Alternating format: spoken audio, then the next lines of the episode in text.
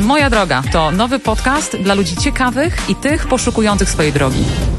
Witajcie w kolejnym odcinku podcastu Moja droga. E, Dagmara Brzezińska przy mikrofonie oraz Basia Mierzwińska, a nasze zaproszenie do dzisiejszej rozmowy przyjęła Aleksandra Szol, dyrektorka kreatywna, dyrektorka e-commerce, e, dyrektorka marek własnych Modivo i e-obuwie. Będziemy chciały cię zapytać na pewno, jak doszłaś do tego miejsca, ale nawet ciekawsze, myślę, jest dla nas to, jak odkryłaś, gdzie dokładnie zmierzasz. Dzień dobry, Olu. Dzień dobry dziewczyny. Przede wszystkim jest mi niezwykle miło, że mogę dzisiaj z wami tutaj usiąść i porozmawiać. Wiecie, że jestem w 5% fanek największych podcastu Moja Droga, więc czuję się absolutnie zaszczycona, że mogę dziś być. Dzięki. Super, dziękujemy Olu. Twoim życiorysem moglibyśmy spokojnie obdzielić też znowu kilkanaście osób, zacz kolejny gość i kolejne gościni, którzy mają... Takie wybitne e, takie, osoby zapraszamy. Tak, absolutnie wybitne życiorysy. Natomiast zanim to nastąpi, chcemy ci Mhm. Zadać parę bardzo podchwytliwych pytań. Dobrze. No dobrze, Olu, jakie są twoje metody na stres? Teatr. mm, To wymieniłabym na pierwszym miejscu. No i czas z najbliższymi, po prostu. A twoje plany y, mogą być zawodowe, mogą być prywatne na najbliższe zimowe y, tygodnie? Może jakieś wyjazdy, albo właśnie Mm. cisza i spokój w domu? Cisza i spokój. E, I no, ogromne pragnienie i tym samym zrealizowanie go, jeśli chodzi o czas z najbliższymi. Naprawdę bardzo, bardzo mi na tym zależy. Książka, którą polecasz to? Hmm, ostatnio czytam Pięć dysfunkcji pracy zespołu. E, książka polecona mi przez Marcina Czyczerskiego. E, bardzo ciekawa pozycja o tym, jak należy budować zaufanie, jak mówić o odpowiedzialności. E, I powiązane jest to z szacunkiem i takim, taką pracą właśnie zespołową i, i jak należy realizować zadania, żeby nam to wszystko wychodziło, bo gramy do jednej bramki. Mm, Dzisiaj o tym porozmawiamy na pewno, jak sobie radzisz w tej funkcji szefa i liderki. Dobrze. Make-up czy no make-up? No make-up, zdecydowanie. Mika to jest chyba jedyne takie akcesorium, jeśli mogę powiedzieć, e, którego używam. Faktycznie bez szminki czuję się trochę naga, Mm, ale właśnie dlatego no make-up, bo ta szminka jest dla mnie make-upem. I róż czasami. Genialne. Kto lub co cię ostatnio zainspirowało? Mnie inspiruje wszystko, Dagmara, i wiesz o tym. E, z każdej sytuacji staram się wyciągać coś e, takiego ciekawego. E, mam, staram się mieć zawsze bardzo szeroko otwarte oczy i chłonąć świat, bo bardzo kocham świat i życie. I przede wszystkim ludzi, których spotykam. Ja mam taką ciągłą zajawkę. Po prostu nie, nie potrafię nawet tego dobrze opisać, ale to jest taka, taka, taki ogromny apetyt związany z sytuacjami, w których uczestniczę. Więc trudno mi skwantyfikować, co mnie ostatnio zainspirowało, bo to jest ogromna pasja do książek i czekam teraz na książkę właśnie, do której usiądę e, do czytania w święta, Elona Muska. E, Mała nie jest. Tak, Całkiem gruba. e, Tak, i też będę z tego wyciągać to, co mnie interesuje, więc to na pewno będzie jakaś moja inspiracja. E, coś, co mnie zainspirowało z takich rzeczy, które gdzieś przed oczyma mi się pokazały, no to jest Tesla, ale to kolejny raz, ale gdzieś tam na TikToku, bardzo ciekawe medium, bo wydawałoby się, że treści tam przedstawiane są no, niekoniecznie ciekawe, a owszem są ciekawe, jeżeli się trafia na swoje, e, więc tam o Tesli bardzo dużo sobie oglądałam i, i słuchałam pod kątem tego, jakim był człowiekiem, co go pasjonowało, dlaczego był inny niż e, przypuszcza się, więc to było takie bardzo inspirujące, bo dużo znalazłam analogii. E, Na pewno inspiruje mnie wszystko to, co jest związane z szeroko rozumianym IQ, bo, bo na te materiały jakoś też trafiam. To, są, to jest kwestia algorytmów, które po prostu są w tych wszystkich social mediach. E, No inspiruje mnie jak zawsze rzeczy z modą związane, czyli to, co wchodzi, dlaczego wchodzi, jak my zmieniamy się jako konsument i dlaczego takich, a nie innych kolorów szukamy, jak się będziemy tu otulać różnymi rzeczami, e, skąd pewne wzory się biorą, więc to jest takie bardzo inspirujące na pewno. E, Skąd bierzesz te informacje? Wiesz, bo Ola, ty jesteś taką chodzącą mapą trendów e, na najbliższe sezony. E, Ola jest zawsze e, przed wszystkimi absolutnie trendami, które, które następują. Skąd ty to bierzesz, dziewczyna? Jakie ty masz, skąd ty bierzesz to wyczucie? swoich źródeł. No nie, no ja chcę się dowiedzieć. Ja na pewno wiem, że też słuchacze i słuchaczki też chcą. Kreuje trendy, tego się trzymamy. Chętnie, chętnie odpowiem. Em, Myślę, że to, że jestem cały czas tak wtopiona w ten świat mody i naprawdę konsumuję go z no nie, nieustającym apetytem, to w jakiś taki naturalny, chyba intuicyjny sposób łączę pewne rzeczy i je widzę. Ale często zdarza się, tak jak teraz powiedziałeś, że faktycznie przed wszystkimi ja już coś mam zaimplementowane, ale dlatego, że mnie to po prostu cieszy, podoba mi się, wybieram to w naturalny sposób, ale zapewne wpływa na to moja praca zawodowa, bo ja siedzę we wszystkich magazynach, raportach, czytam co tylko się da, oglądam pokazy, staram się na bieżąco być, który projektant, gdzie, dlaczego, jak to się zmienia, bo to jest powiązane mocno z tym, jak ten świat konsumentów nas e, ewoluuje i jak on się zmienia tu i teraz, a jednocześnie e, takie raporty jak chociażby WGSN, który mówi nam o tym, co będzie za dwa lata, no powodują, że jak ja z nimi obcuję, to, ale generalnie wybieram te rzeczy, które mi się podobają i no jakoś tam wchodzą w naturalny sposób, ale nie dlatego, że o tym myślę, tylko pewnie moje oczy widziały, e, coś się spodobało, a potem naturalnie. Ale wiesz, że właśnie jest. takie raporty są tworzone w oparciu o osoby, mhm. które same już przyjmują pewne tak. E, nowe stylizacje, nowe, e, nowe trendy i to one są później sprawdzane właśnie mhm. przez twórców takich raportów i ty byłabyś, podejrzewam, świetnym, świetnym takim królikiem doświadczalnym, ponieważ mhm. oni po prostu patrzą, przyglądają się takim osobom i na tej podstawie tak. tworzą mapę tego, co w takich trendach będzie. To jest niesamowite, to jest fascynująca to rzecz. Fascynująca. Więc chyba ty powinnaś być jedną z takich osób, która będzie pisała te, te, te, te, raporty. No, może już jest, dziękuję, dokładnie. ale chętnie sięgam po nowe rzeczy i, i na pewno się tego nie boję. E, lubię eksperymentować i ja się też szybko nudzę. Mhm. E, więc muszę ciągle siebie stymulować. Z osobą, która bardzo lubi się ciągle gdzieś spinać. Im trudniej, tym lepiej. Mnóstwo wyzwań to jest coś, co mnie nakręca. No i w życiu prywatnym faktycznie nawet przy stylizacjach, innych rzeczach, wiecie, ja chodzę w dwóch różnych butach, mam zawsze dwie, trzy czapki, bo, bo zmieniam je w ciągu dnia, bo właśnie już mi jest za dużo po dwóch godzinach, więc to chyba też jest to, że ciągle jest takie, chcę biec. Jaka była twoja pierwsza płatna praca? Pierwsza płatna praca. Chciałabym powiedzieć, że była płatna, ale niestety mnie oszukano. miała być płatna. Więc miała być płatna, tak. Ja jestem z Krakowa, więc e, miałam przyjemność, bardzo, od zawsze chciałam bardzo pracować. E, I mając lat no chyba niecałe 14, wymyśliłyśmy z koleżankami, e, że zarobimy pieniądze. No jak zarobić? No najlepiej się zainteresować tym, co z turystami. Więc znalazłyśmy jakieś miejsce, które oferowało pracę, że dało się faktycznie, nie trzeba być pełnoletnim i zaczęłyśmy sprzedawać albumy o Krakowie na rynku w Krakowie. No i oczywiście za każdy album tam było płatne ileś tam procent od tego albumu. E, no więc nabrałam wtedy tych albumów ogrom, udało mi się sprzedać wszystkie, więc byłam taka usatysfakcjonowana, bo taka, wiecie, cała podekscytowana, że tu Kraków, proszę, bo, bo to po angielsku oczywiście były albumy, bo to raczej nie do Polaków kierowane. E, no i wróciłam wtedy do tego pana powiedzieć, że jest, it's done. No, ale niestety nie dostałam wynagrodzenia, bo się okazało, że są jeszcze jakieś inne warunki, więc wtedy zrozumiałam też, że oprócz ogromnej chęci do różnych rzeczy trzeba wiedzieć, jak zabezpieczyć. I czytać umowę i ten drobny druczek. Jest, więc to była taka pierwsza praca nie, nie, niepłatna, e, ale miała być 14 lat miałaś, tak? Tak tak, tak. To szybko ten gen przedsiębiorczości. Ja też miałam podobny wiek. 13 lat sprzedająca bez. O, tak. naprawdę? Widzisz, no, no trzeba było e, zrobić, zarobić na zapiekanki. Słuchajcie, miałyśmy taką fazę z przyjaciółką, że stwierdziliśmy, że musimy zrobić zapiekanki. Oczywiście moi rodzice powiedzieli, no ale to damy wam pieniądze i tyle. A my powiedzieliśmy, no nie, no nie, no jest taki ładny bez u koleżanki na, na podwórku, no to zetniemy ten bez. No i się okazało, że poszłyśmy pod halę targową Wola e, i sprzedawałyśmy ten bez, ale bez był niestety w bardzo wysokiej cenie. E, I nawet ktoś, kto stał koło nas, właśnie powiedział nam, słuchajcie, dziewczyno, obniżcie trochę cenę, a my oczywiście obrażamy żona mówimy, nie, no ale to jest wyjątkowy bez, to w ogóle nie ma takiej opcji, żeby obniżać cenę. Finalnie go sprzedałyśmy, oczywiście ścinając cenę o połowę. Rodzice kupili? Nie, właśnie na szczęście nie, bo właśnie też pilnowałyśmy, żeby to nie był nikt znajomy, ani sąsiad, bo to byłaby jakiś, byłaby tutaj wtopa wielka, ale faktycznie rozumiem cię, bo to własne zarobione pieniądze to jest po prostu to tak. dobre uczucie w wieku tak, takim dokładnie. 13 lat. Tak, ale mnie też sytuacja ta z tymi albumami bardzo zmotywowała, bo ja zrozumiałam, znaczy to jest chyba coś zupełnie naturalnego w życiu, że no, żeby gdzieś dojść, no musisz ileś kroków podjąć. Te kroki nie zawsze są super radosne, ale nie można w nich ustawać. Po prostu trzeba podejmować ciągle próbę, no bo w ten sposób to działa, tak? E, więc podjęłam kolejną potem pracę i, super. I było Już Fajnie. z umową. Już z umową i powiem wam, że bardzo fajna praca i też, o, bo chętnie nawiążę do różnych rekrutacji, w których ja uczestniczę, jeśli chodzi o tam ostatni etap, kiedy menadżerowie chcą się upewnić, czy to na pewno jest ta osoba, bo to lepiej zrobić double check. I ludzie właśnie czasami zadają pytanie, bardziej chcę kogoś poznać, po prostu właśnie sposób myślenia, motywację.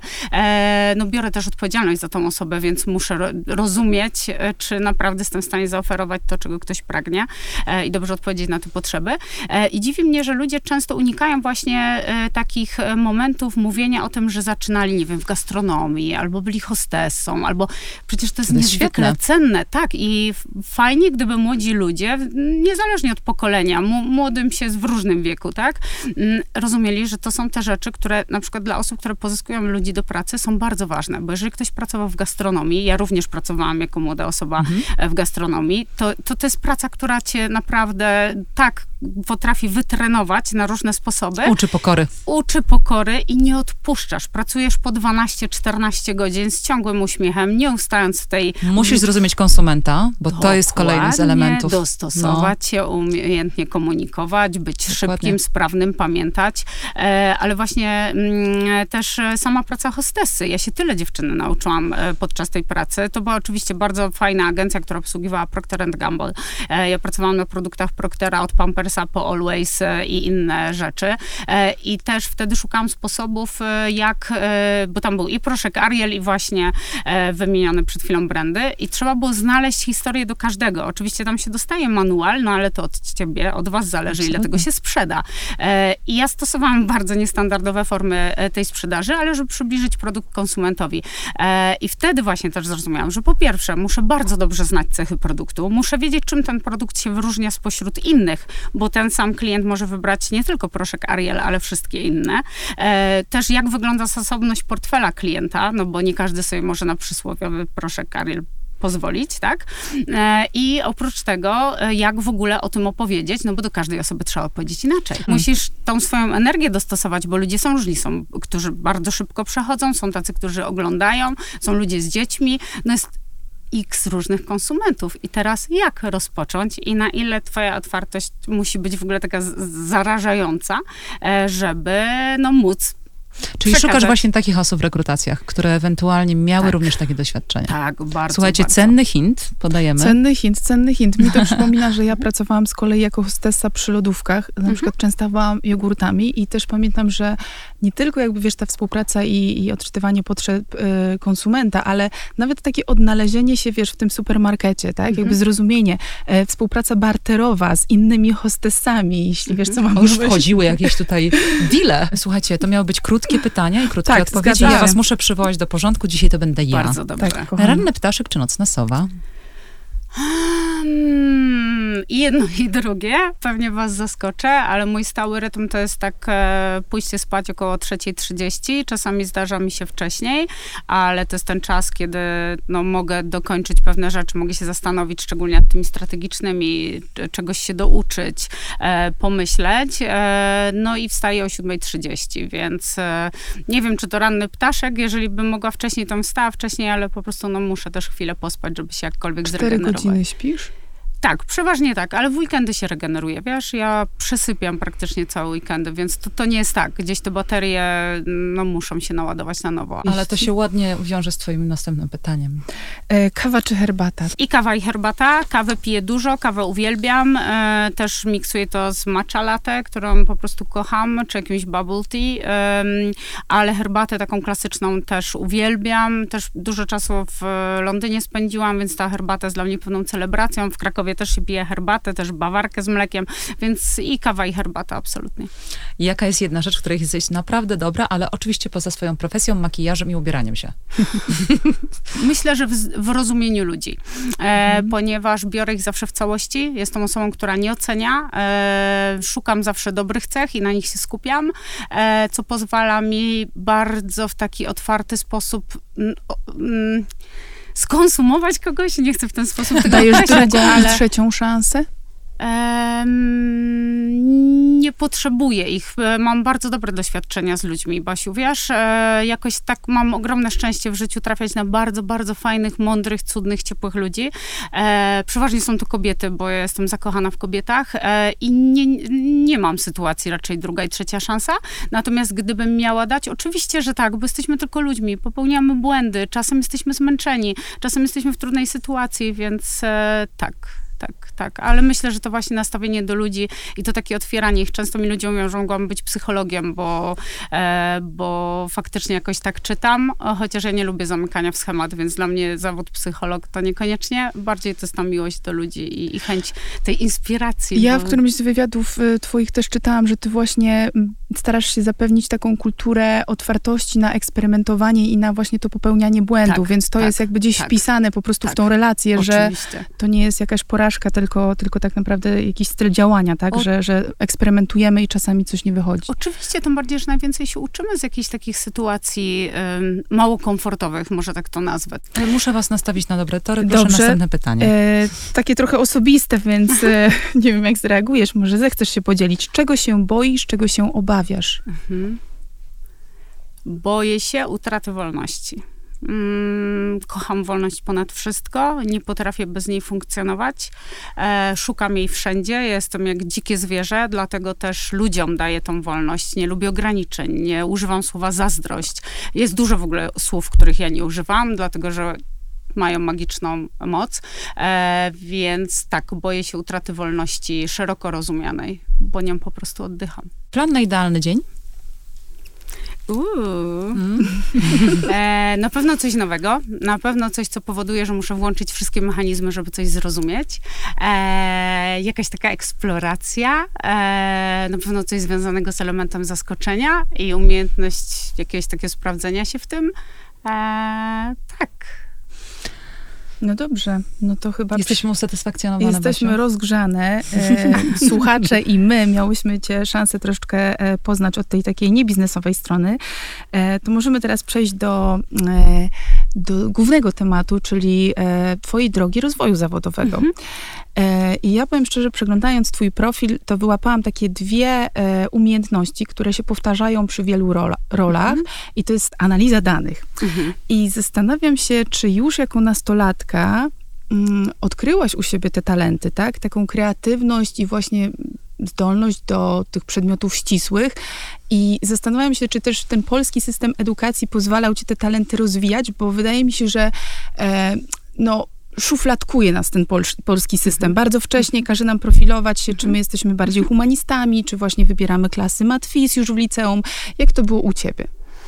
No, masz unikalne połączenie kreatywności z analizą danych, więc to, to nie to jest prawda. coś, co się zdarza często. To prawda, we mnie jest w ogóle dużo sprzecznych rzeczy.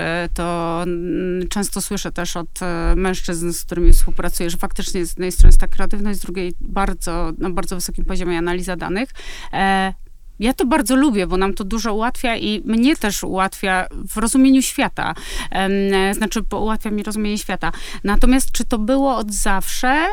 Trudno mi odpowiedzieć na to pytanie. Wydaje mi się, że to w trakcie życia przyszło, e, kiedy ja zaczęłam rozumieć siebie lepiej, kiedy właśnie pojawiła się ta wolność wyboru, kiedy pojawiło się decydowanie o sobie, kiedy mogłam zrozumieć, co ja lubię, czego nie. E, I to były chyba te miesiące i lata, kiedy ja siebie po prostu odkrywałam i zaczynałam słyszeć, co we mnie gra. I wtedy pewne rzeczy gdzieś, e, które były mocniejsze, zaczęły odgrywać rolę i w naturalny sposób sprawiać mi przyjemność. E, no bo nie wiem, tak jak mam sposób na relaks też oprócz teatru, to jest liczenie całek. Ja uwielbiam działania matematyczne, po prostu mnie one relaksują, rozluźniają. E, I czy ja to miałam od zawsze? Nie, ponieważ system edukacji, o którym tu mówisz, tak mocno wpływał na to, jacy my powinniśmy być, a jacy nie, przez pryzmat ocen i tego, kiedy odnosisz sukces, a kiedy porażkę, że ja wręcz mogłabym ci powiedzieć lata temu, że ja tej matematyki bardzo nie lubiłam. E, e, lubiłam ją sama z siebie, ale nie lubiłam przez pryzmat edukacji. E, I dopiero później, kiedy właśnie odkrywałam, jak ja mogę czegoś używać, co mnie w tym cieszy, że ja rozumiem ten świat. Doszła potem w czasie studiów logika i logikę po prostu ubóstwiam ponad wszystko, jeśli chodzi o implikacje i inne koniunkcje. E, I, i ta logika chyba na studiach w ogóle już mi tak mm, ustrukturyzowała myślenie o matematyce, o logice, o tym, że wszystko jest matematyką, wszystko jest fizyką. A jaki kierunek kończyłaś, Olu? E, komunikacja społeczna i systemy multimedialne. Jestem medioznawcą z wykształcenia, ale również e, socjologia i polityka, więc e, to takie jako uzupełniające. I dlaczego trafiłaś na takie, na takie kierunki? To znaczy, mhm. czy robiłaś wcześniej jakieś testy? Czy rozumiałaś, po co ci to wszystko mhm. jest potrzebne? No bo to były, to było już trochę czasu temu. Czy może miałaś jakąś wymarzoną już pracę wtedy i wiedziałaś, dokąd dążysz, więc wiedziałaś, że Nie trzeba przebrnąć przez te studia. Nie podpowiadaj. E, ja złożyłam podanie na studia, na trzy różne kierunki, na politologię, na filozofię i właśnie na medioznawstwo. Zrobiłam to właśnie już nauczona pewnym doświadczeniem, dlatego że na ten kierunek, na który finalnie poszłam, były 24 osoby chyba wtedy na jedno miejsce, więc Znowu, statystyka, matematyka, na ile rachunek prawdopodobieństwa, dostanę się nie. E, a że filozofia i sposób myślenia w ogóle, no też bardzo, od zawsze bardzo dużo czytałam i staram się rozumieć różne drogi myślenia o rzeczach i nie ograniczać się do tego, że jest taka właściwa lub taka. E, więc e, ta filozofia też mi była bliska i też mogła stanowić pewien fundament. E, czy politologia ze względu na różnorodność kultur kapitalizmu i w ogóle podejście do biznesu. E, ale już powiem, dlaczego medioznawstwo. Dlatego, że ja od zawsze chciałam pracować w mediach. Mnie media interesowały. Jak są skonstruowane media? Dlaczego w mediach się tak komunikujemy? Jak one wpływają na nasz sposób myślenia? Ile procent osób z tych mediów korzysta? E, jaką one siłę niosą? Czy to jest misja? Czy to jest może właśnie A już czy to były już media cyfrowe, czy jeszcze te tradycyjne cię tak e, pociągały? To już był początek mediów cyfrowych. E, aż śmiesznie o tym mówić XXI wieku. Ale tak, to była i telewizja, i radio, i już wtedy zaczynający się internet, e, gdzie parę lat wcześniej siedzieliśmy wszyscy w kafejkach i tam czatowaliśmy na IRC-u. Mnie już wtedy to kręciło, bo rozumiałam, że coś dużego się dzieje i wiedziałam, że chcę w tym uczestniczyć, bo to jest to, że właśnie ja lubię wszelkie zmiany, lubię jak coś się rozbudowuje jak zmienia, jak wpływa, e, ale już chyba wtedy, znaczy nie jestem pewna, że już wtedy rozumiałam, że to może mieć plusy i minusy. A jestem zawsze po tej dobrej stronie, bo to jest kwestia szacunku, to jest kwestia zasad, w ogóle percepcji rzeczywistości. I dlatego bardzo chciałam w tym uczestniczyć przez pryzmat mediów, bo wiedziałam, że mając na to wpływ, będąc w takim biznesie, e, no mam jakąś powinność. Ja nie wiedziałam wtedy jeszcze w jakiej roli, co ja będę robić, ale wiedziałam, że tego bardzo chcę i stąd ten wybór. Na szczęście się dostałam, na szczęście te studia skończyłam. E, ale też miałaś odbicie w stronę um, Włoch. Tak, byłam też we Włoszech. Tak. Dlaczego? Skąd ten wybór? Oczywiście dlaczego? Poza tym, że faktycznie jest to genialny kierunek mhm. pod kątem miejsca, miejsca studiowania, ale dlaczego mhm. akurat tam? Uważaj, że tam jest... również, jeśli już wtedy moda. czułaś no. takim pociągu. Tak, moda była ze mną od W którym zawsze. to było miejscu, dokładnie we Włoszech? E, w Turynie. W Turynie. E, tak, mhm. e, Università degli Studenti. E, to był kierunek, e, właściwie studia, w ogóle uniwersytet, na którym też moja siostra była wykładowcą, ponieważ moja siostra od lat była we Włoszech, zresztą jest do dzisiaj, była bardzo wybitną studentką, dlatego dostała szansę na, na zajęcia tam. E, zresztą moja mama była we Włoszech, bo po śmierci taty przyniosła się do Włoch. E, mam zresztą dom obok Pescary. E, sono italiana dentro. Kocham Włochy totalnie, ale no jeszcze nie czas na, na zostanie tam i na życie tam. Więc to było takie, moja rodzina była we Włoszech, więc to był naturalny kierunek. A że moja siostra właśnie taki inny zawód wykonywała, to było mi najbliżej y, no, do niej po prostu i też hmm. dzięki temu miałam cudowny czas. E, Olu, bo patrząc teraz i słuchając tego, co mówisz, miałaś kierunki w sumie już bardzo określone ze względu na to, co hmm. uważałaś, że będzie takim też nadchodzącym hmm. trendem. Mhm. I tu cały czas wracamy właśnie do tego, tak. że, że świetnie wyczuwasz trendy i to, co, co będzie miało miejsce. Natomiast z Włoch wróciłaś e, i zaczęłaś pracę mhm. w mediach właśnie. Jak to mhm. się zaczęło? E, poznałam e, podczas jednej z rekrutacji wspaniałą osobę, panią Dominikę Marchewczyk, którą serdecznie pozdrawiam, jeśli mogę. E, bardzo mądrą kobietę, wiedzącą, czego chce. Ona mnie od razu też zainspirowała, bo to była bardzo silna kobieta z klasą, z możliwościami, z wiedzą, wiedząca, gdzie idzie. Um, bardzo taka mocno ukonstytuowana. Ona mnie absolutnie zainspirowała. E, to była wtedy rekrutacja do Wirtualnej Polski, gdzie byłam mhm. zresztą prawie przez pięć lat. E, I no i tak jakoś wszystko zadziałało, że ja zdecydowałam, że bardzo, bardzo chcę tam pracować. E, I też właśnie, to jest chyba taki, taki hint dla osób, które w ogóle uczestniczą w rekrutacjach. Ja już wtedy jako bardzo młoda osoba, wiedząc, czego lat? chcę, o rany, wydaje mi się, że no 23 mhm. chyba, mhm. tak, dokładnie, tak. I to w ogóle było takie zmiksowane, bo jeszcze byłam trochę tu, to, to, w ogóle dużo zmiennych w tym wszystkim było, ale oczywiście powiedzieli, że się odezwą, no jak to w każdej rekrutacji, odezwą się, zadzwonią. No i chwilę się nie odzywali, więc ja stwierdziłam, no nie, no nie odpuszczę, ja tam chcę pracować, więc y, ja się skontaktowałam. Tu napisałam maila, tu, tu, tu zadzwoniłam i y, no doszło do tego, że faktycznie y, zobaczyliśmy się jeszcze raz zobaczyłyśmy, e, ale zobaczyliśmy, no bo to już wiadomo, potem trochę inaczej rekrutacja wygląda, no i to doszło do skutku, ale jak wtedy rozmawiałam z panią Dominiką, która w ogóle, no całe życie jest zresztą do dzisiaj ze mną i też jak Matylda moja się urodziła, to i pojawiła się w szpitalu, dostałam piękny obraz od niej, biżuterię dla Matyldzi, tak, więc to taka naprawdę przyrodziło się wspaniałą relację biznesową, ale też taką bliską. E, powiedziała mi wtedy, że Olu, wrażenie na mnie zrobiło to, że ty naprawdę o tą pracę zawalczyłaś. E, mhm. Ty nie przyjęłaś, że okej, okay, odezwiemy się, tylko ty wiedziałaś, że chcesz tu pracować i podjęłaś tą próbę. I tak byśmy do ciebie zadzwonili, ale ty to jeszcze przyspieszyłaś, więc pokazałaś mi tylko, że jeżeli ty tak o siebie potrafisz zawalczyć, zawalczyć, to zawalczysz też tak o ten biznes. E, I to bardzo ciekawe było, bo pamiętajmy, różne, różne osoby spotkamy na swojej drodze i czasami właśnie to podjęcie inicjatywy, gdzie ja kocham inicjatywę i też ludzi zawsze do inicjatywy zachęcam, bo no kto Ale jak wiesz co, Ola, to jest, e, to jest bardzo dobry hint i wydaje mi się, że to jest świetna rada, którą możemy dać słuchaczom. Ja mam mhm. bardzo podobne spostrzeżenia mhm. I już nawet na wyższych stanowiskach, czyli mhm. teraz rekrutując osoby faktycznie już e, z wysokich, wysokich pozycji.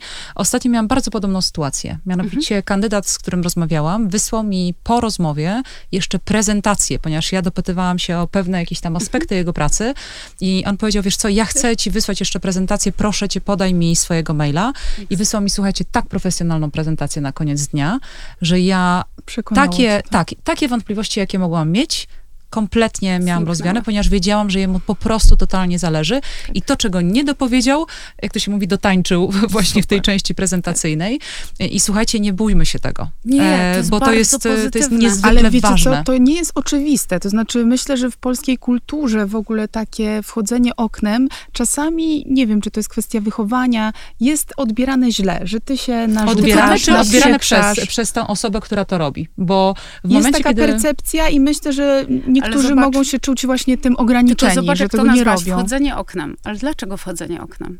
To jest tak to jest nic innego, Bo jak wiesz, ktoś ci mówi, jaki jest proces i mówi, że teraz jest piłka po naszej stronie, oczekuj na kontakt, prawda? Więc ty troszeczkę jednak szukasz tej bocznej drogi, bo nie idziesz tak jak wszyscy, że czekasz, nie, tylko to jest bardziej jednak decyzja, pokazujesz... czy pozostajesz bierna, czy pozostajesz aktywna. I teraz, jeżeli popatrzymy, że wszystko, co w naszym życiu się dzieje, jest pewną oczywiście ilością zmiennych i też niezależnych od nas, ale częściowo jednak to ty kreujesz tą drogę.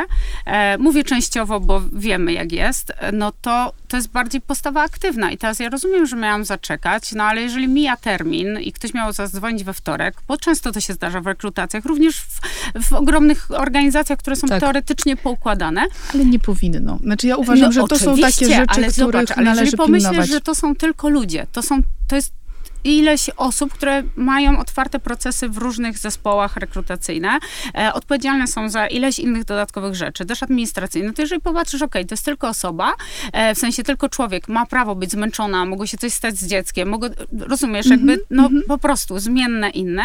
I teraz zamiast we wtorek się odezwać, znaczy nie odezwali się do wtorku i ty, nie wiem, może nie w środę, ale w czwartek podejmujesz aktywność na zasadzie, drodzy, czy wszystko jest w porządku, oczywiście nie w ten sposób, ja tu nie, nie, nie chcę używać już języka specjalistycznego, e, w sensie e, oficjalnego, no to nie widzę w tym nic złego. To jest bardziej o to, to jest zadbanie, to jest, ja, mnie się wydaje nawet, że tej osobie po drugiej stronie, typu, mówię teraz zdejmujesz trochę, o... zdejmujesz trochę z głowy pewien, tro, pewien problem to, że, tego, że zapomniała. Znaczy ja to odbieram bardzo pozytywnie. Ja tak samo. Bo ja w przypadku osób, które rekrutuję, dla mnie najważniejsza jest osobowość i mhm. najważniejszy jest charakter. Kompetencje twarde, Brawo. oczywiście na pewnym, na pewnym stanowisku już mamy, możemy sobie dorobić tak. i tak dalej. Natomiast, Jak doszła do rozmowy z tobą, to znaczy też, że je ma. Tak, a, a z drugiej strony dla mnie najważniejsza jest osobowość tej osoby. Mhm. Jeżeli ta osoba będzie robiła wszystko, żeby w tym tak. momencie dotrzeć do mnie i w jakiś sposób jeszcze przedstawić mi siebie jeszcze lepiej, to naprawdę ma gigantyczny plus. Tak. Więc z ja mojego tak punktu patrzę. widzenia, jeżeli ktoś jest proaktywny, jeżeli ktoś tak. faktycznie walczy o siebie, chce. och, jeżeli to jest chce. marzenie. Widzisz, masz takie podejście jak ja. Ja uważam, że jeśli chodzi o kompetencje twarde, zresztą to w Google było bardzo mocno też podkreślane i też polecam książkę nie, chyba, jak, nie, nie, nie, pamiętam jak się nazywa, ale generalnie y, o tym, jak się pracuje w Google, ale pod kątem też właśnie y, procesów rekrutacyjnych i, i sposobu patrzenia na zarządzanie ludźmi. Tam jest między innymi o tym, że właśnie te kwestie attitude, e, jeżeli jesteś proaktywna, jeżeli chcesz i e, jeżeli szybko się uczysz, chcesz się uczyć, dążysz do pewnych rzeczy, bierzesz pod uwagę, że czegoś nie umiesz, ale właśnie są inni ludzie, można razem, to to są te bardzo mocne osobowości, które są w stanie wręcz przez, przez mury przejść, e, dlatego że kompetencje twarde to jest tak jakbyś, no nie wiem, no wiadomo, jak ktoś jest księgowym, no to znowu idzie na księgową tak. i potem znowu na księgową, ale przy tych wszystkich nowych stanowiskach i tym naszym nowadays, e, to, to, to już zupełnie tak nie pracuje, bo nie musi ktoś być w pięć razy w jakiejś roli osadzony, żebyś ty przyjęła do szóstej i, i znowu go w tej sytuacji Tak, bo te kompetencje, to poza. prawda, bo te kompetencje miękkie teraz mają o wiele większe znaczenie i tak. to, że jesteś w stanie w inny sposób reagować na komunikację do różnych osób, Dokładnie. budować alianse w firmach, budować cały network. Pamiętajmy, że coraz mniej patrzymy na to, że dział sprzedaży jest tylko działem sprzedaży, dział marketingu, działem marketingu.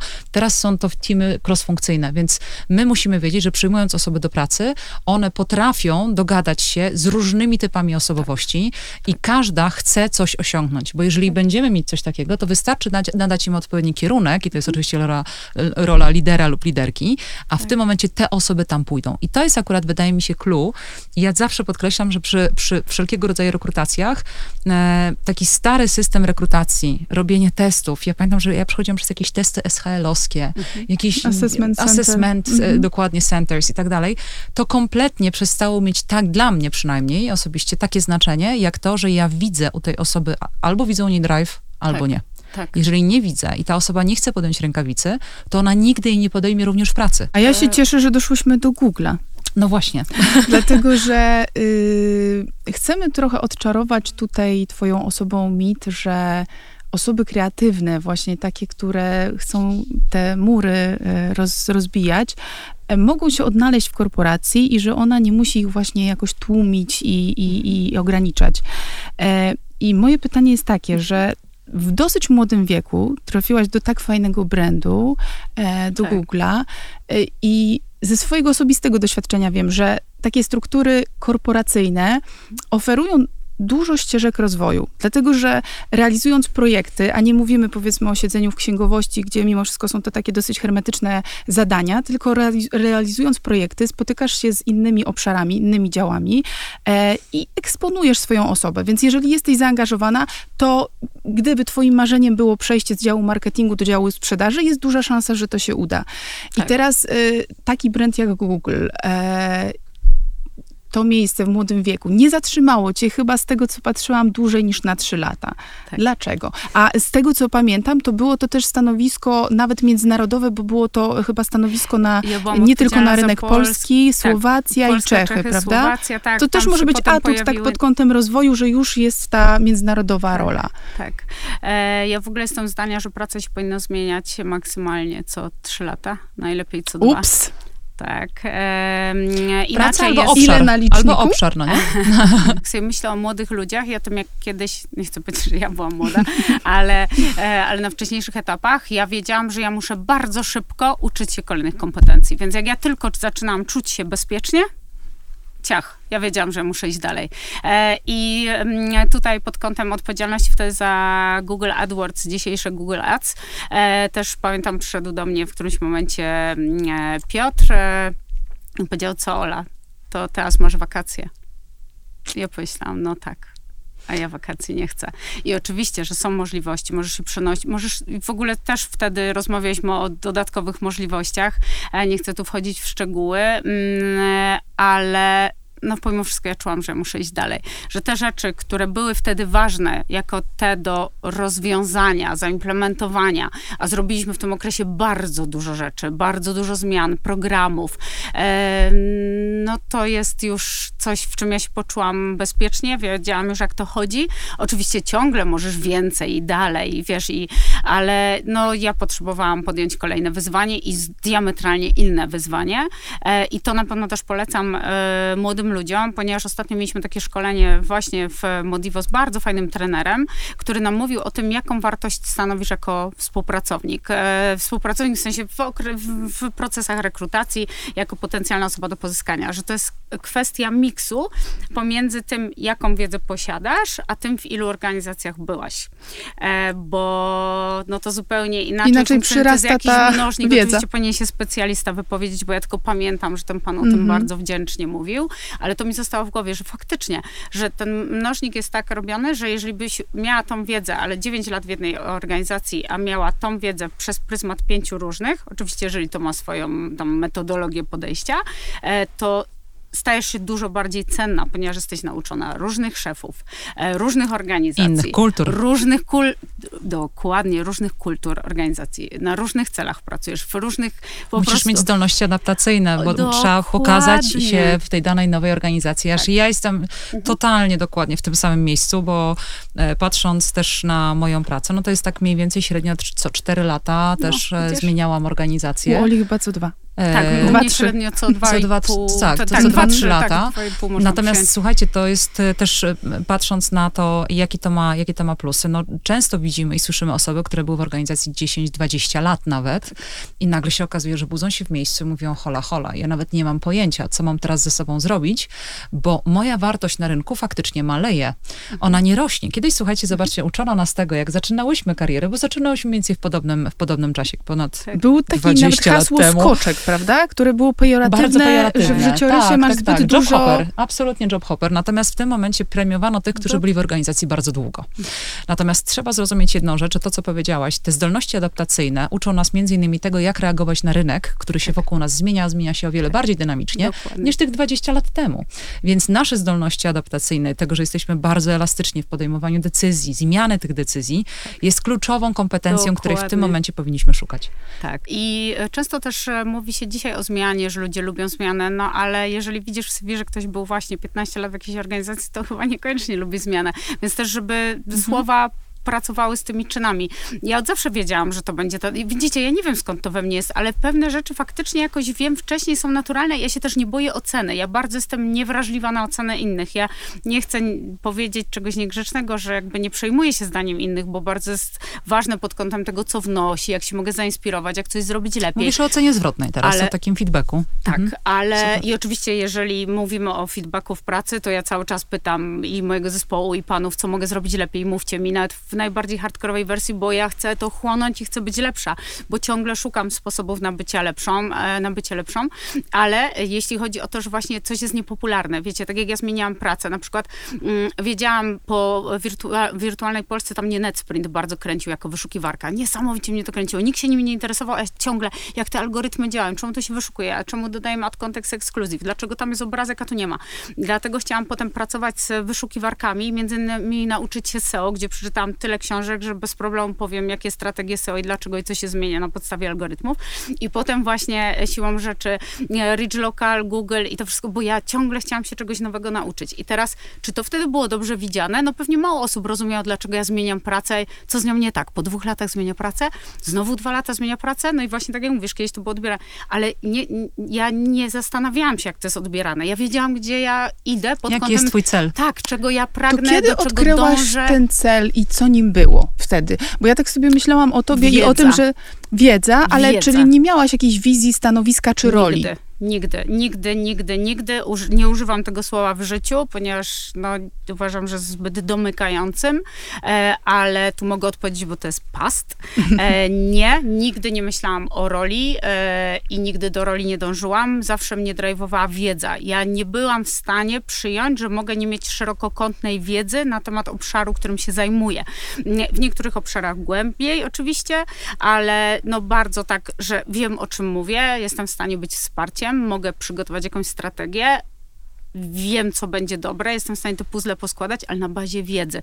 E, I być może to zaszczepił we mnie mój tata, bo on zawsze mówił, dziecko, ambicje bez wiedzy są jak łódź na suchym lądzie. Nie pozwól sobie nigdy na brak wiedzy, bo to Piękne wiedza słowa. buduje. Tak, bardzo takie zostały ze mną, no to dzisiaj i myślę, że całe życie zostaną, ale uważam, że to jest kwestia szacunku, to jest kwestia bycia profesjonalnym e, i ta wiedza jest dla mnie taką podstawą do robienia kolejnych rzeczy.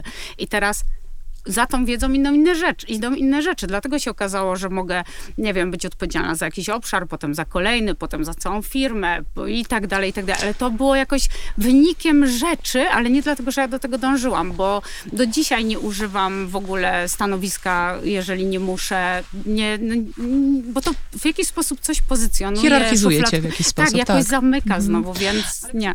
Ja nie wiem, czy to jest takie moje ogromne zaufanie do życia, do losu. Ja jestem tak nie, nie, nie walcząca, ale w ten dobry sposób. W sensie staram się nie, nie, nie robić rzeczy na siłę e, i to też chyba, nie, no bardzo to lubię, bo jakoś to zapewnia mi spokój, ja się nie stresuję, jakoś to wszystko płynie, wiecie, się tam poddaję tej fali życia na takim, no, jakoś tak w taki łagodny sposób i te rzeczy z pracą same do mnie przychodziły. Zawsze dzwonił telefon, ktoś coś mi proponował, ja o czymś myślałam i na przykład, okej, okay, dobra, to tu i dobra, muszę się nauczyć tego. Telefon, oferta pracy. Okej, okay, porozmawiajmy.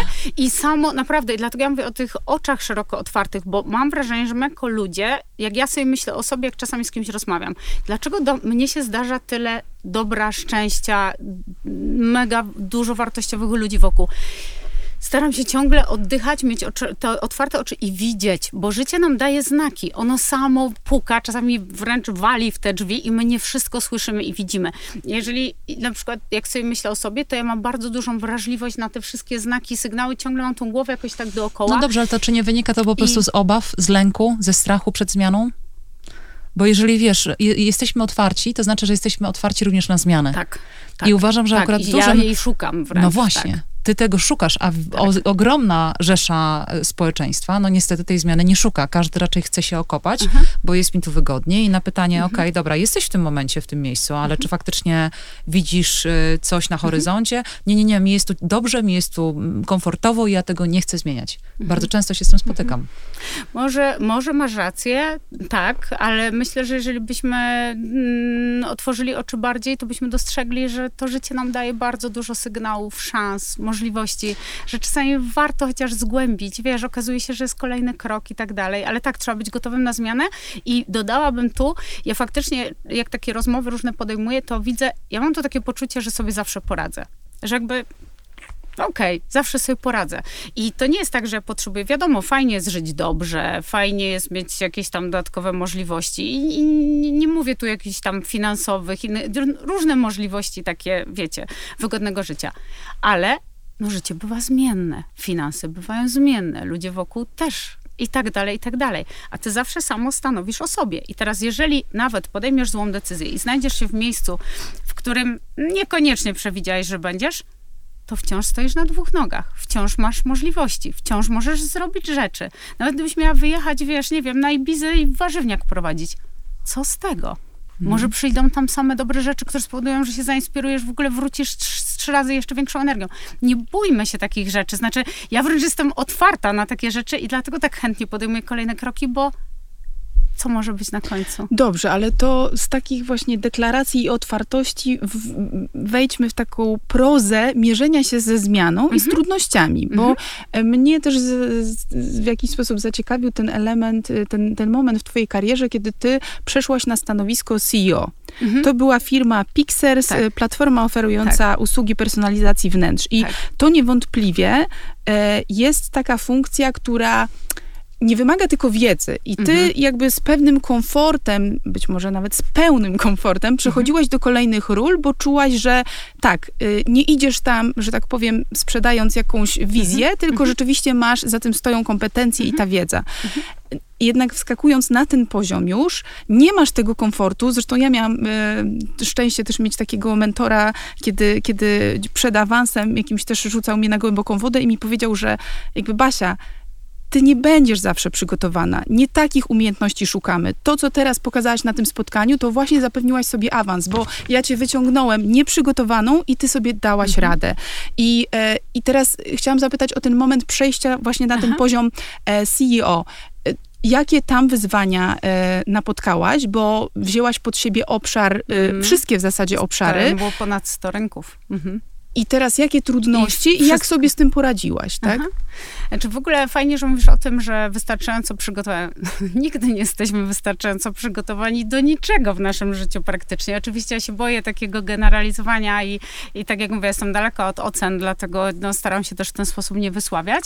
Natomiast nie możemy myśleć przez pryzmat tego, czy jesteśmy wystarczająco przygotowani, czy nie. Pewne próby trzeba podjąć, ale trzeba też zmierzyć ryzyko. I teraz po to jest ta wiedza, żeby no, przy, jeżeli wiesz, że masz jakąś wiedzę, masz pewne kompetencje, sprawdziłaś to w innych firmach, na różne sposoby, bo to niekoniecznie jest tak, że musisz być zawsze, nie wiem, CEO, tak? E, no to wiesz, czy możesz wejść w taką rolę, czy nie. Jednocześnie, jeżeli jesteś w stanie dobrze ocenić, ja o to często pytam kandydatów, swoje umiejętności, silne, silne i słabe strony, oczywiście nie tak to domykając, ale skracam, e, no to wiesz, w czym jesteś dobra, że jesteś w stanie wziąć odpowiedzialność, jesteś w stanie, zna, nie wiem, zarządzać talentami, tworzyć im przestrzeń do rozwoju, wiesz do, w czymś, w, kto będzie dobry w czym, jakich raportów potrzebujesz, co potrzebujesz zobaczyć, żeby móc czymś zarządzić i tak dalej, i tak dalej. Jeżeli sobie zrobimy szybką taką, nie wiem, czy mogę to nazwać retrospekcję z tego, co potrafimy, a co jest potrzebne do roli, no to wiesz, czy jesteś w stanie tą rolę objąć. Reszta to już jest pewne ryzyko, jak zawsze. Wiecie, że podobno e, niestety jest takie smutne stwierdzenie, że mężczyźni są rekrutowani ze względu na ich potencjał, a kobiety ze względu na ich kompetencje. I niestety, co gorsza, jest to stwierdzenie, które bardzo często, którego bardzo często używają kobiety. O, Czyli e, wielu rekrutujących, e, i to był jeden z raportów, nie pamiętam której firmy rekru- e, rekrutacyjnej, e, stwierdza, że właśnie kobiety, jeżeli dzwonią do, do jednej z kandydatek, mówi, ale ja nie mam do tego kompetencji, natomiast mężczyźni mówią, okej, dobra, spróbuję, zobaczę, A bo właśnie. uważam, że mógłbym to zrobić. I wydaje mi się, że Super. naszą rolą, jako osób, które bardzo często już są mentorkami, Mhm. e, jest pokazywanie, zwłaszcza kobietom, tego, że my musimy zacząć wierzyć w siebie. Tak jak ty powiedziałeś, że ty wierzysz, wiesz, że sobie poradzisz. tak. Jak wiele kobiet, które znamy, gdybyśmy sobie przetestowały tak 10 takich kobiet, powie nam, tak, wiem, że sobie zawsze dam radę. Basia kręci głową, Większość powie, że sobie nie da rady. Dokładnie tak. I to jest, słuchajcie, bardzo smutna konstatacja, która mnie niestety często, często spotyka, kiedy rozmawiam właśnie z młodymi dziewczynami, z moimi mentee, które, które, z którymi mam spotkania. I słuchajcie, naprawdę to stwierdzenie, nie, Daga, ja nie, nie sądzę, żebym sobie dała radę. Ja nie sądzę, żebym mogła zmienić pracę, firmę, bo ja sobie po prostu tam nie dam rady. I moje pytanie wtedy jest, dlaczego? Dlaczego? Dlaczego? I to jest ten strach. Wychodzi później, jak zadajemy pytania, to niestety wychodzi ten strach i obawa przed zmianą. Nie wiem, z czego to wynika, jakie jest, jakie jest tło tego. No, jakie jest, Ja sobie kiedyś myślałam o tym, em, bo faktycznie ja wiem, że te ograniczenia są w nas. E, I kiedyś uczestniczyłam w jakimś takim panelu właśnie dla kobiet o, o różnych rzeczach, mm, ale było o tym, jakie tam ograniczenia nam są stawiane. No i powiedziałam dość, taki, no, no, wyraziłam swoje zdanie, ale dość niepopularne, że właśnie te ograniczenia nie są na zewnątrz. One są w nas. Dokładnie. No i powstała cisza, ale oczywiście ja to wyjaśniłam. I mm, wtedy coś, co mi w naturalny sposób przyszło do głowy i mm, chętnie, chętnie się do tego odniosę, to jest też to, jak my jesteśmy wychowywane. Bo ja zobaczyłam, jak ja wychowywałam Matyldę. Zupełnie taki, wszyscy mi zwracali uwagę, Olka, jak ty możesz tak dziecko wychowywać? E, bo ona wchodziła na przykład jako trzylatka na zjeżdżalnię i ktoś mówi, Jezu, łapią. Ja mówię, ale co jej się stanie? No może spaść. No, ale to daleko nie poleci, tak? No, dwa metry w dół. No, ale może złamać nogę. No, to pojedziemy do na pogotowie.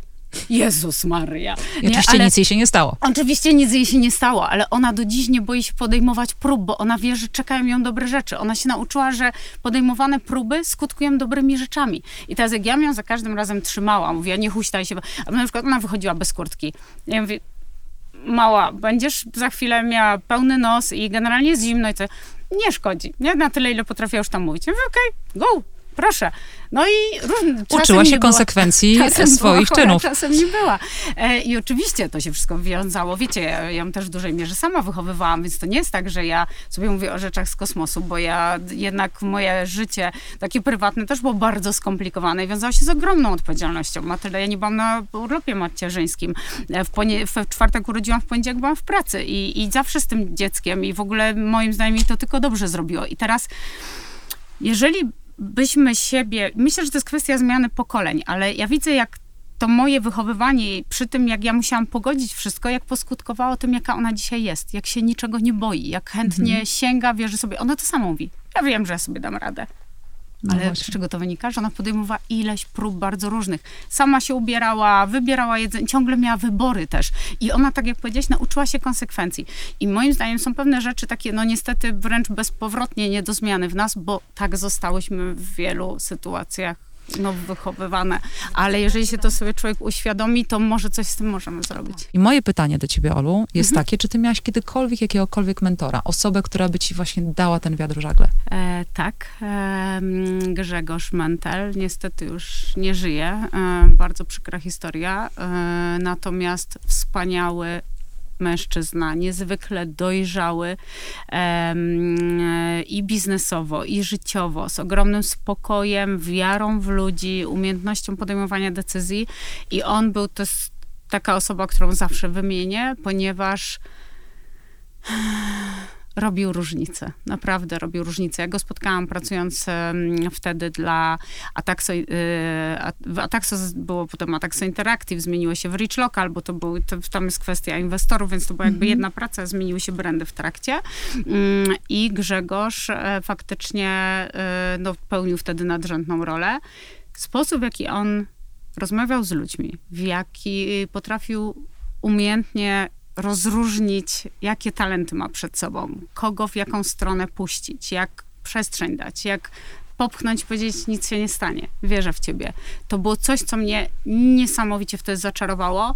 On mi wtedy faktycznie powiedział, mówi, Olka, ja takich ludzi nie znam. U ciebie ta umiejętność w ogóle dostosowania się do tego, z kim ty pracujesz i jak z taką otwartością, właśnie miłością. Tam nie ma nic udawanego, tam jest ta autentyczność. Plus to, jak ty pracujesz na liczbach, jak ty widzisz rzeczy, które często są niezauważalne, bo ty patrzysz na zbiór danych i mówisz, dobrze, to, to, to, to. Że jak z obrazu po prostu. Jednocześnie, jeśli chodzi o sprzedaż i te umiejętności, że to jest kwestia właśnie rozumienia konsumenta, z jakim produktem idziesz, po co, wyciągasz te USP. On mi wtedy jakby, on mi, dziewczyny, w paru zdaniach, tak naprawdę ja zostałam speechless. I sobie myślałam, ja bym chciała takie umiejętności posiadać. I wtedy mu to powiedziałam, mówi, ale ty je już posiadasz.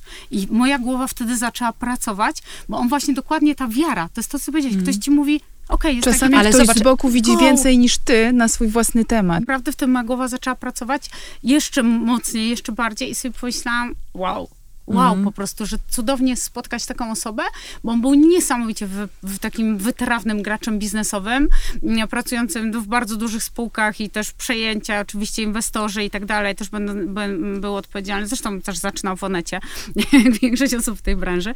Mm, em, I mm, Można było się od niego uczyć Można- przed, właśnie przez obserwację, a nie tylko przez to Basiu, mentorowanie. Dokładnie, Mhm. właśnie wyczytałaś myśli. Chciałam powiedzieć, że patrząc na, jakby samo patrzenie na niego było takim doświadczeniem, jaką pracuje, jak się komunikuje, jak układa cele, że po prostu ciągła inspiracja. Życzę takich osób w biznesie nam wszystkim, I, ale też znowu trzeba to widzieć, chcieć i no. Ale to jest też o szczęściu, kogo spotykasz tak naprawdę w biznesie. Jeżeli czujemy, że jesteśmy w jakimś toksycznym miejscu i, i nie ma takich osób, to może jednak to też powinien być impuls do zmiany. Mm.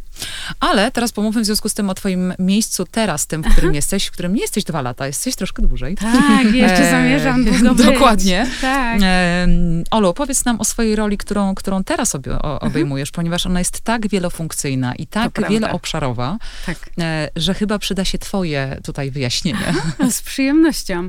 E, to nawiążę też do początku spotkania. Ja już nie jestem odpowiedzialna za marki własne, bo marki własne e, tam innym torem puściliśmy. Mhm. Dzisiaj mamy w grupie CCC bardziej marki licencyjne, z którymi pracujemy, nad którymi pracujemy, jak chcemy je prowadzić.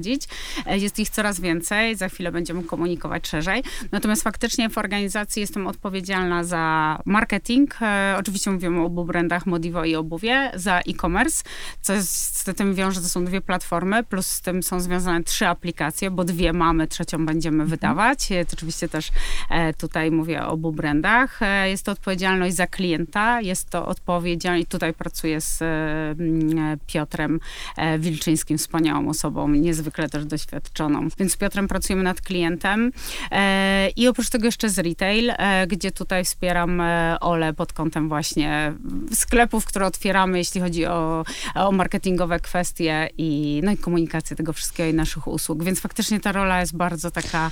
Rozciągnięta w różne tak, strony. Tak. I ja w związku z tym chciałam się ciebie zapytać, jak ty to łączysz, bo mhm. mm, jest tego cała masa, Ola. E, mhm. Czy ty masz jakąś metodę na to, w jaki sposób pracować w takich cross-funkcyjnych zespołach? Bo mhm. domyślam się, że projekty dotykają wielu obszarów. To nie mhm. są już projekty z jednej dziedziny, załóżmy, nie wiem, z tak, marketingu. Tylko tak, to jest tak, po prostu coś, prawda. co organizujesz, projekt, grupę projektową, która dotyka wszystkich e, obszarów, które, które są w tak. organizacji. E, powiedz, co jest takiego najtrudniejszego w tym, co, w tym, co teraz robisz? Czy są jakieś takie właśnie najbardziej takie elementy, które wiesz, że mhm. zaczynasz nowy projekt, tu może być ewentualnie jakieś wyzwanie?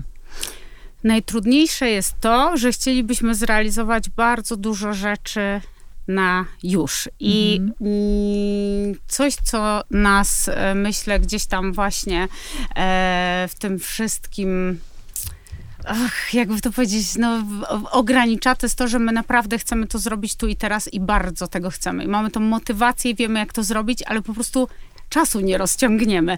Więc e, wyzwaniem jest czas mhm. bo to nie jest kwestia umiejętności, które posiadamy, czy zasobów, które mamy, e, czy sposobu patrzenia na projekt, czy co chcemy dowieść, bo to mamy wszystko opisane, wiemy, co, co jest potrzebne w biznesie, jak, ale faktycznie, no jeżeli mamy tam, nie wiem, rozpisujemy sobie 12 rzeczy, no to nie jesteśmy w stanie w ciągu jednego tygodnia to, tego zrobić. Dobrze wiesz, jak to działa w mm. biznesie.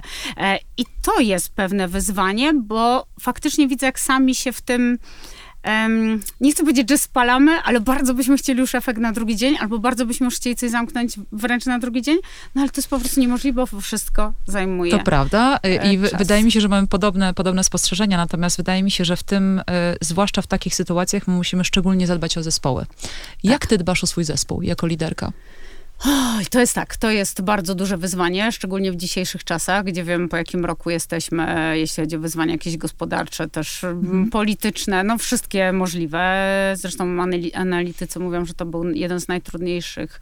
Um, jed, no, ten, to, to, był ten rok porównywalny do 2007, e, więc no, miejmy nadzieję, że już wszystko za nami i to mówię jako ludźmi, biznesami, z, wszystko co dobre, że było przed nami się zmieniało.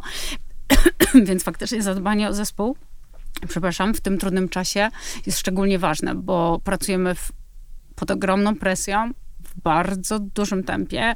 Ja mam wrażenie, że czasami faktycznie wręcz no, maraton sprintem biegniemy i to dotyczy, wiem, że to dotyczy wszystkich firm. To nie jest kwestia naszej organizacji, tylko są takie potrzeby.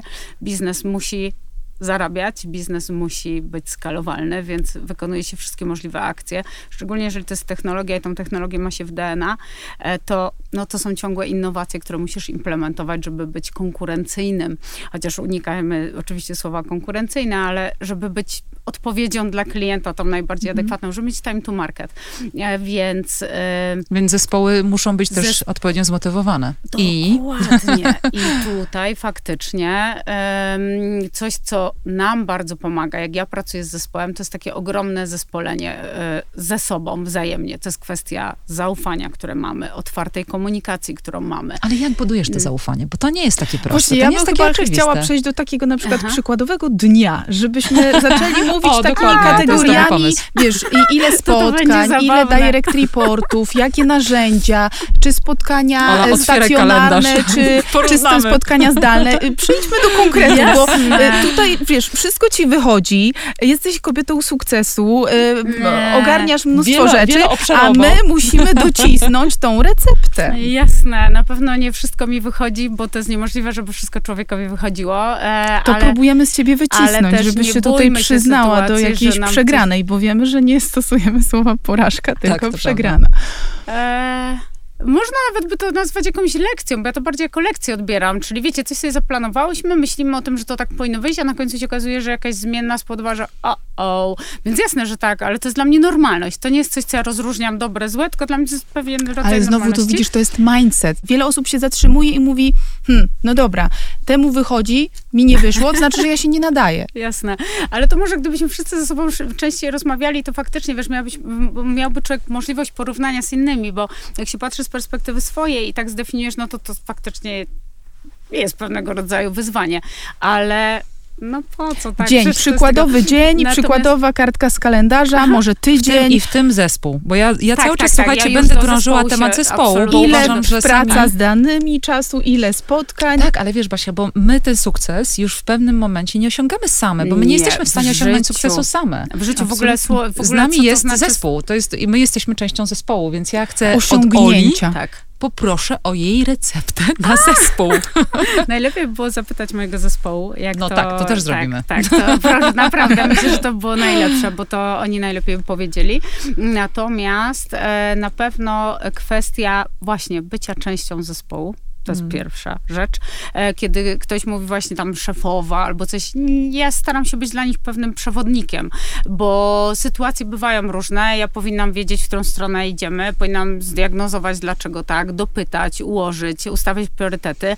Nie zawsze nam to wszystko super wychodzi, bo ta zmienność jest tak duża, że nawet tę możliwość zatrzymania się na chwilę, wiecie, i powiedzenia, dobra, to to robimy.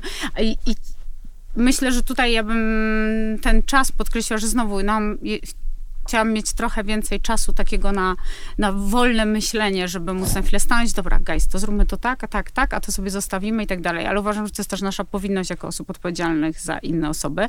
Ale jak, jak my z zespołem żyjemy, jak pracujemy? Na pewno jest to kwestia bardzo dużego sprawdzenia się w wielu sytuacjach pod kątem dawania sobie wzajemnie przykładu i pod kątem tego, że się sprawdziliśmy mm, w wielu sytuacjach, to, że możemy na sobie polegać, że sobie właśnie ufamy, że Plan że dnia poproszę. Wstajesz Dobrze, rano, Dobrze, ale patrzysz w kalendarz, sprawdzamy się z zespołem, eksperymentujemy, dajemy sobie przestrzeń.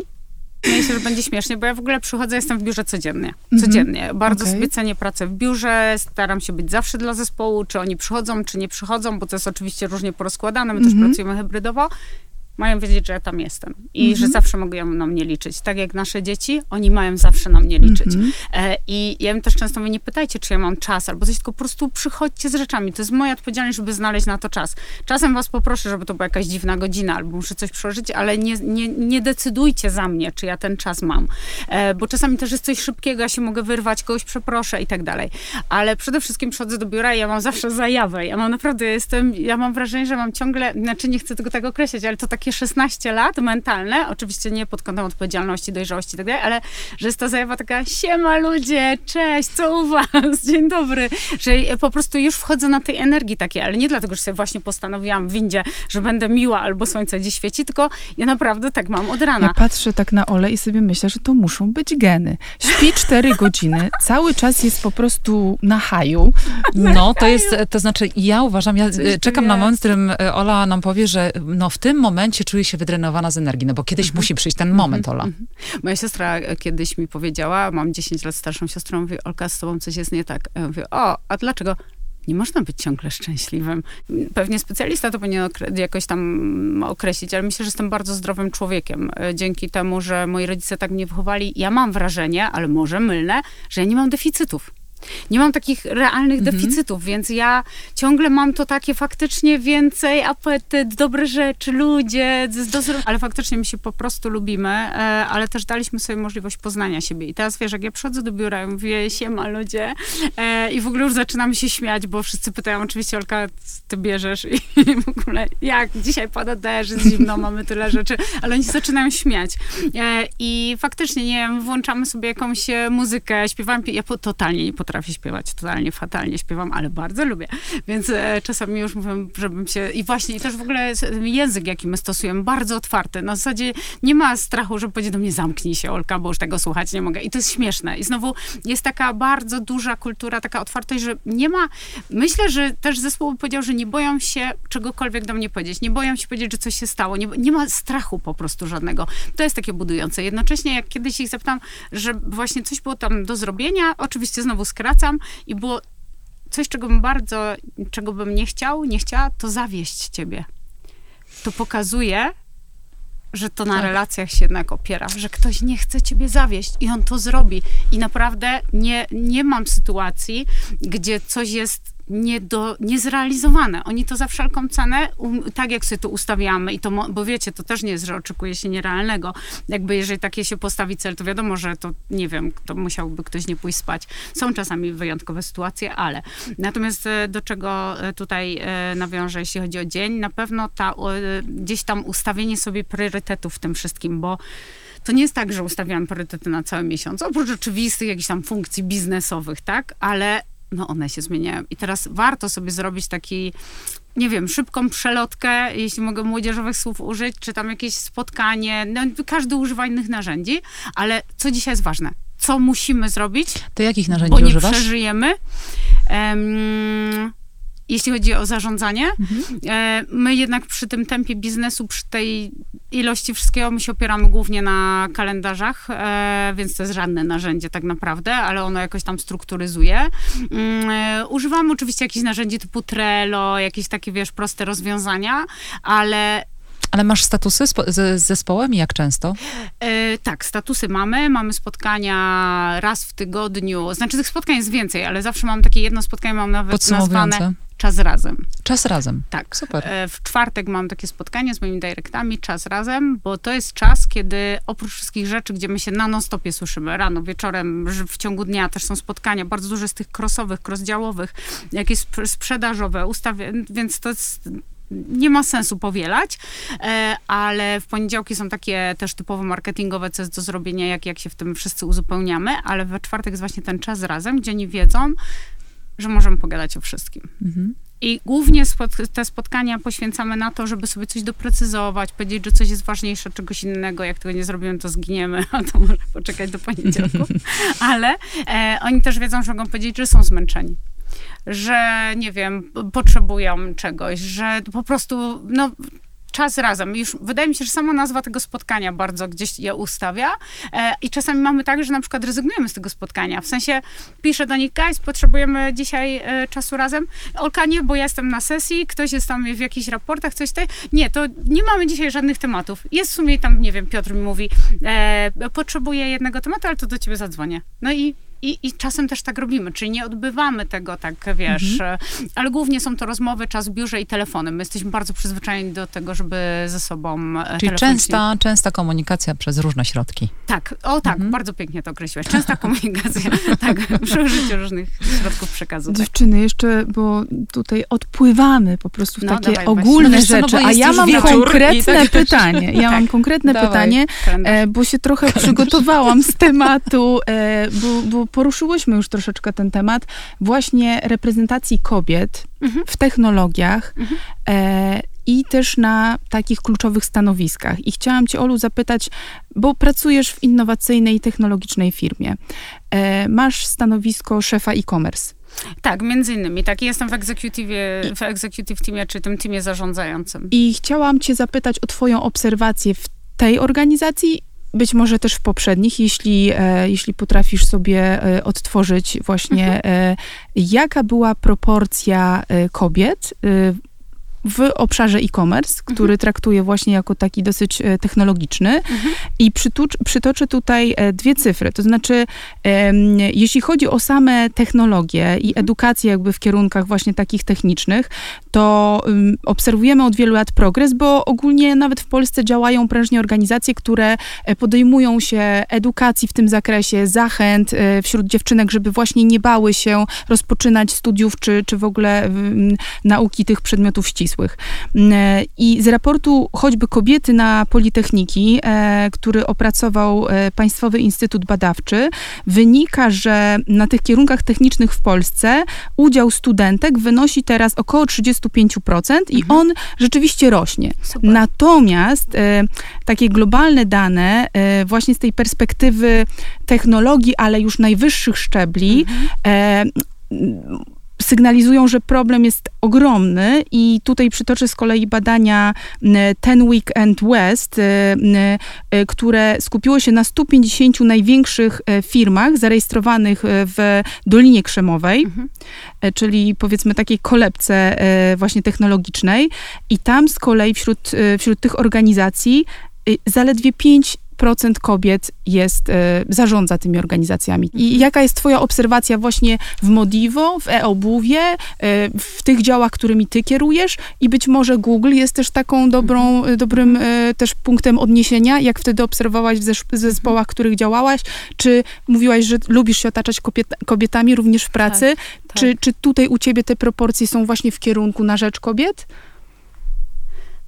Ja szukam ekspertów. Mm, i bardzo też marzę o tym, żebyśmy właśnie w ogóle szukali ekspertów, nie patrząc e, przez pryzmat płci.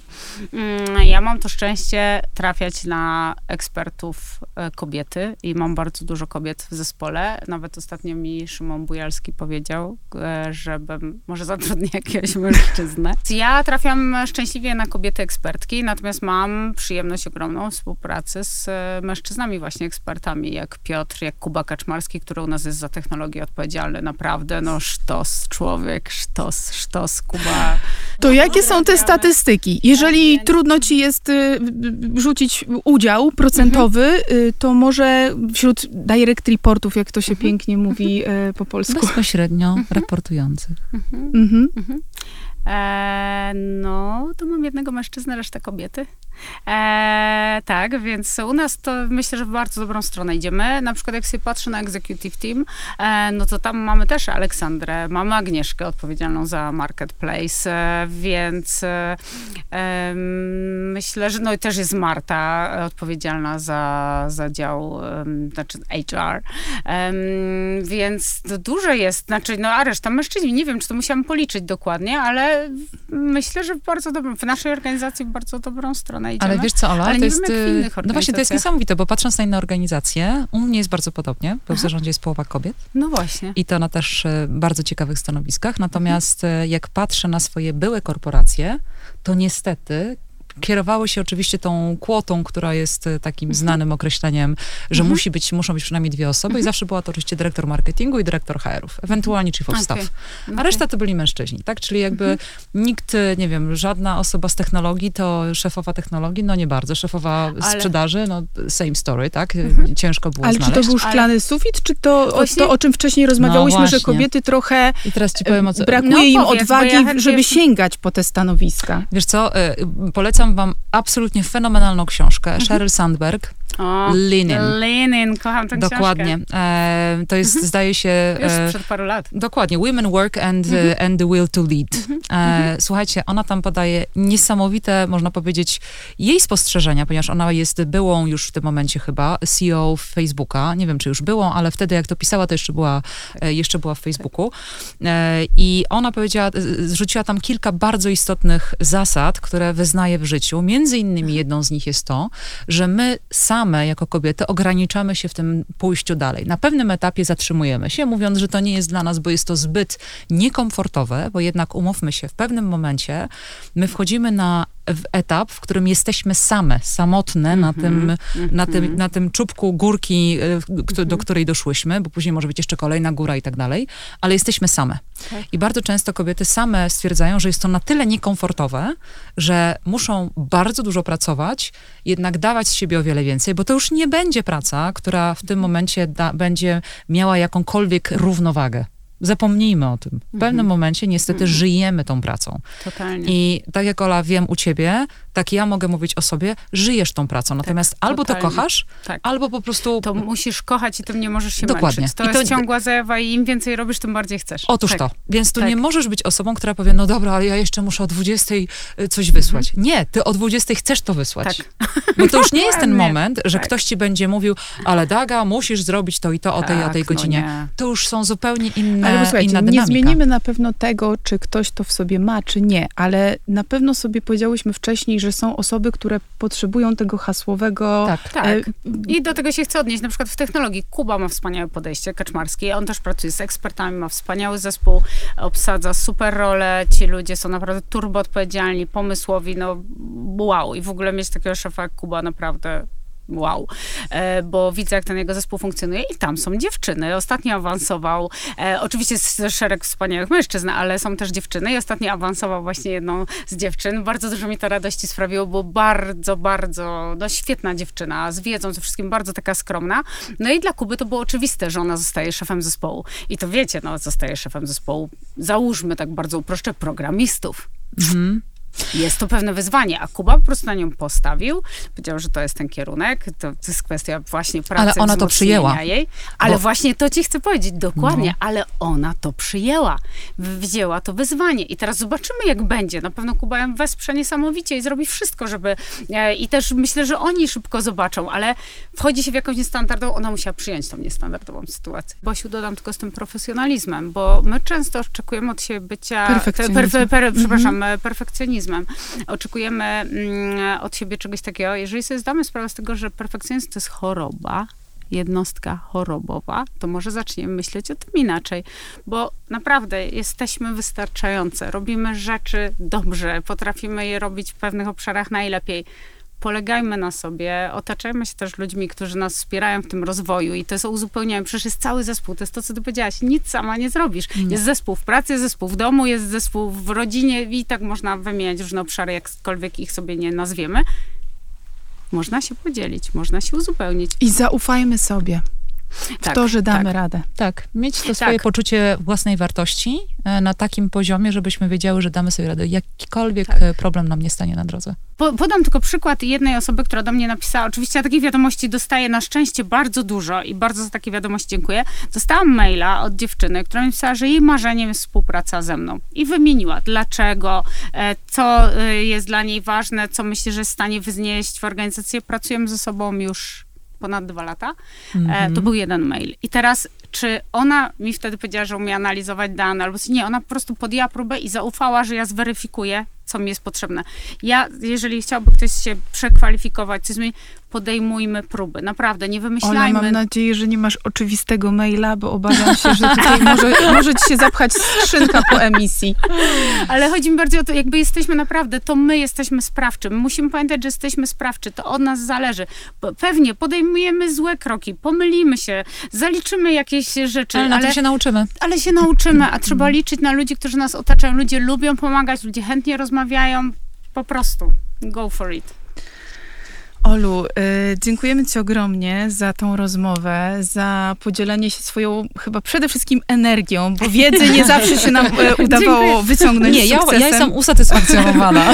ale, ale zdecydowanie czuć y, bije od Ciebie ta fascynacja rynkiem mody e, i pracą. I, I to jest ogromna przyjemność słuchać osoby, która po wielu latach kariery zawodowej i to również w korporacjach, które próbujemy tutaj też odczarowywać, z takim entuzjazmem i zaangażowaniem się wypowiada o, e, o swoich projektach, o zespole, o takiej codziennej pracy. Widać, że ty kochasz to, co robisz i też dowodzisz, że te korporacje, te struktury, one niekoniecznie właśnie muszą ograniczać czy podcinać skrzydła, tylko czasami wręcz w nie dmuchają. Tak, totalnie tak. Także ja bardzo lubię piękne korporacje. Lubię też startupy, także wszędzie można znaleźć miejsce dla siebie, ale piękne. Dziękuję również dla was, dziewczyny. I bardzo My również dziękujemy wdzięczność. naszym słuchaczom za wysłuchanie naszej, naszej y, już całkiem długiej rozmowy. E, I Może oczywiście zapraszamy dotrwali. do, tak, i zapraszamy do zadawania pytań Oli, e, i na które na pewno Ola odpowie, czy na naszym profilu e, na Instagramie Moja Droga Podcast, czy też na kanale YouTube Wok Polska. E, no i co? Do usłyszenia. Następny odcinek to już podsumowanie tego roku, więc słuchajcie, czas mija Będę bardzo szybko. czekać. Dokładnie, więc będzie dużo ciekawych również e, podsumowań, w tym pewnie również odniesienie do naszej rozmowy. Olu, bardzo dziękujemy. Dziękuję wam z całego serca i dziękuję wszystkim, którzy nas zechcieli posłuchać. No i słuchaczom dziękujemy i do usłyszenia. Do Dzięki, usłyszenia. do usłyszenia. Dzięki.